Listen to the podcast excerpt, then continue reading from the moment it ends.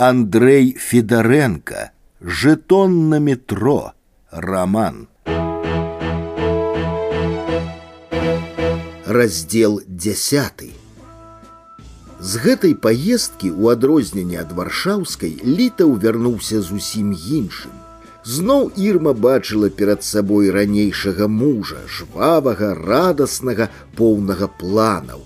З якім чалавекам пазнаёміўся, захоплена расказваў ён.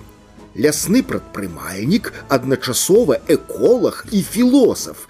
Мяне заўсёды цікавіла, Чаму, калі разумны, прыстойны чалавек робіць нейкі для масаў незразумелы ўчынак, напрыклад, кідае горад і перабіраецца бліжэй да прыроды, ці, скажам, працуе над кнігай па гісторыі, яго ў лепшым выпадку аб'яўляюць дзіваком. А мясціны там некранутыя, дзікія, нават сувязь не паўсюль ловіць. С конца студзеня жыццё літава пайшло ў паскораным рытме. З яшчэ большым імпэтам ён узнавіў свае пошукі патрэбных, як казаў людзей, яшчэ раз з'ездзіў у мястэчка, заадно пабываў у ельску, у мазыры і ў нароўлі, але больш не пасвячаў ірму ў свае планы і ні словам не абмовіўся пра мэту гэтых паездак. У лепшым выпадку аджартоўваўся ці нагадваў, ты дала слова не пытаць, а часцей просто буркаў я працую, нават калі проста ляжаў на канапе ногі на валіку. Затое пачаў збліжацца з тым жа доктарам шнейдарам. Дзяўчынкі былі ўжо здаровыя, але доктар па-ранейшаму наведваўся, яму плацілі за гэта. Так у мяне спакойней на душы, казаў літаў. Яны падоўгу сядзелі ў літава ў кабінеце або прагульваліся ўніз да альтанкі і назад. Доктар, вялікі, непаваротлівы чалавек больш слухаў, чым гаварыў, нагнуўшы лабастую галаву, счапіўшы на жываце дужыя белыя руки, якія рэзалі на аперацыйным стале ракавыя пухліны з такой жа абыякавасцю, як селянін лусты хлеба ад каравая на стале абедзеным. І сваім праставатым тварам ён быў падобны да звычайнага беларускага вясковага добрага дядькі, які ў будні многа працуе, а ў святы многа выпівае, з той праўда розніцай, што доктар ні кроплі не браў спиртнога, целам быў вегетарыянец, а душою наіўнае дзіця. Ён умудрыўся пражыць 60 гадоў і не запэцкацца. У 90-тыя з сям'ёй з'ехаў у Германію, у нулявых таксама з сям'ёй вярнуўся. Яго прынялі і далі месца ў ваенным шпіталі. Літа ўсё распытваў, як яму жылося за мяжою і чаму ён вярнуўся. Мала што магу ўспомніць, адказваў доктар. Пражыў дзесяць гадоў і Германіі практычна не бачыў. Мы жылі ў сваім анклаве эсэсэраўскія немцы, узбекскія, казахскія, арэнбургскія, у асноўным рускамоўныя. Памятаю, неяк у аўтобусе захацеў саступіць месца цяжарнай жанчыне і паплаціўся за гэта. Сексізм, чым я горшая за цябе. Там з гэтым строга, А чаму вярнуўся? Быў адзін выпадак, які стаў апошняй кропляю. Да суседзяў казахскіх немцаў прыехала на аздараўленне дзяўчынка з Беларусі. Яны жылі ў сваім доме, а мы побач праз цагляны плот у звычайнай кватэры ў пяціпавярховіку. Вяртаючыся з працы, часта бачыў гэтую дзяўчынку. Усё збіраўся загаварыць, ды боязна было. Там наконт гэтага строга а неяк пабачыў, што ў яе заплаканыя вочы і такое нахлынула.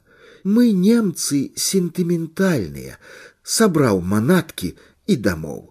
Вось так закончыў шнейдер. Не шукай ты шчасця долі на чужым далёкім полі, як пісаў наш вялікі купала. Літаву яшчэ хацелася многае ў яго распытаць, але пазіраючы ў нявінныя вочы доктара яму рабілася сорамна все адно як бы ён пачаў уцягваць у свае аферы і маленькіх дачок Алітаў пытаў іншае. Скажите, вось, допустим, чалавек эміграваў, попрасіў палітычнага прытулку. Ён можа быць спакойны за сваё жыццё. Іх ахоўваюць такіх людзей. По-мойму, ніхто там нікога не ахоўвае, адказаў доктар. Кожны сам па сабе і любому на любога начхаць. У пачатку лютага у літава з'явіўся яшчэ знаёмы, стары самусенка, якога ён прывёз да сябе, вадзіў у бункер, карміў абедам, знаёміў з гірмаю, а на другі дзень казаў ёй: « Ты, дарагая, не ўяўляеш, што за цікавы чалавек, як ведае мову, разбіраецца ў літаратуры, вельмі, вельмі патрэбны чалавек і не стрымаўся, каб не ўпікнуць жонку за тое, што так раптоўна выйшла з-за стола. Што здарылася з табою? Я не змагла. Я баюся такіх размоў, не магу больш слухаць пра гэтыя смерці, злачынствы, дуэлі. Апошнім часам ты так змяніўся, стаў скрытны, нешта абдумваеш, хаваеш ад мяне, казала Ірма ледзь не з адчаем у голасе. Што адбываецца? Ты абяцала не задаваць лішніх пытанняў. Як іх не задаваць, калі ў мяне адчуванне, што ідзе падрыхтоўка да нечага. Мне здаецца, ты задумаў нядобрае, і мне страшна ад гэтага. Ты перастаў казаць праўду. Прызнайся, ты мяне больш не кахаеш. У цябе нехта ёсць глупства і гэты бункер нашто ён табе ты выдатна ведаеш я там працую гэта мой кабінет там сейф і некаторыя важныя дакументы там няма перапіскі з палюбоўніцамі ды цяпер і не пішуць іх на паперы я табе не веру Калі ласка, зайдзі сама в любы час і пераканайся, я нічога не хаваю, я нічога не хаваю і прашу цябе, выкінь усё нядобрае з галавы. Нядобрых сакрэтаў у мяне няма, а пра добрыя неўзабаве даведаешся. Калі? Ад мяне не залежыць, можа вясной, можа ўлетку, а ў пачатку сакавіка зноў хваліўся жонцы. Яшчэ з цікавым чалавекам пазнаёміўся. Паэт Віктор рак чула не учора быў у яго вельмі вельмі цікавы і патрэбны чалавек а дзіўны не верыцца, што такія яшчэ захаваліся. Старамодны рамантык, жытон на метро захоўвае як памяць пра каханую дзяўчыну. Не могуць гэтыя паэты без сваіх выкрунтасаў. Але для чаго ты іх усіх збіраеш? Ты нібы калекцыянуеш іх. Так і ёсць. З усмешкай адказаў літаў, усе яны мне спатрэбяцца. Тое самае было в Латвіі. Абсалютна правільна, толькі там не атрымалася, а тут атрымаецца.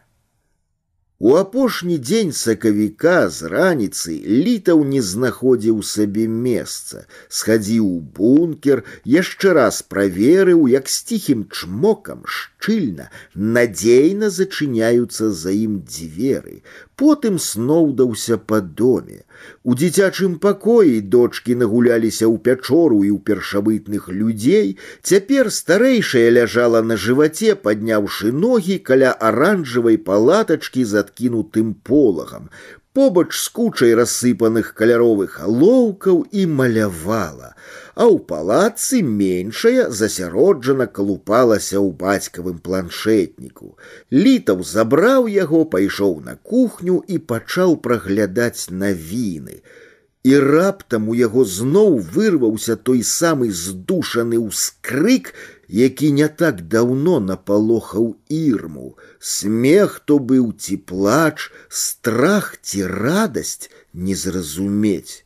Ён кінуў на мяккую канапу планшетнік, падышоў да вакна і шырока расчыніў створкі. У пакой хлынула пахамі і гукамі вясна. Праз сіняе неба прабівалася сонца, заглядвала ў вокны, вербы каля сажалкі былі ў зялёным вэлюме і з жоўтымі коцікамі, сама свабода, само жыццё разам з гэтай вясною, уварваліся ў пакой. Літаў не бачыў, што жонка, пачуўшы яго ўскрык, увайшла, пастаяла ззаду і ціха выйшла, шчыльна прычыніўшы за сабою дзверы.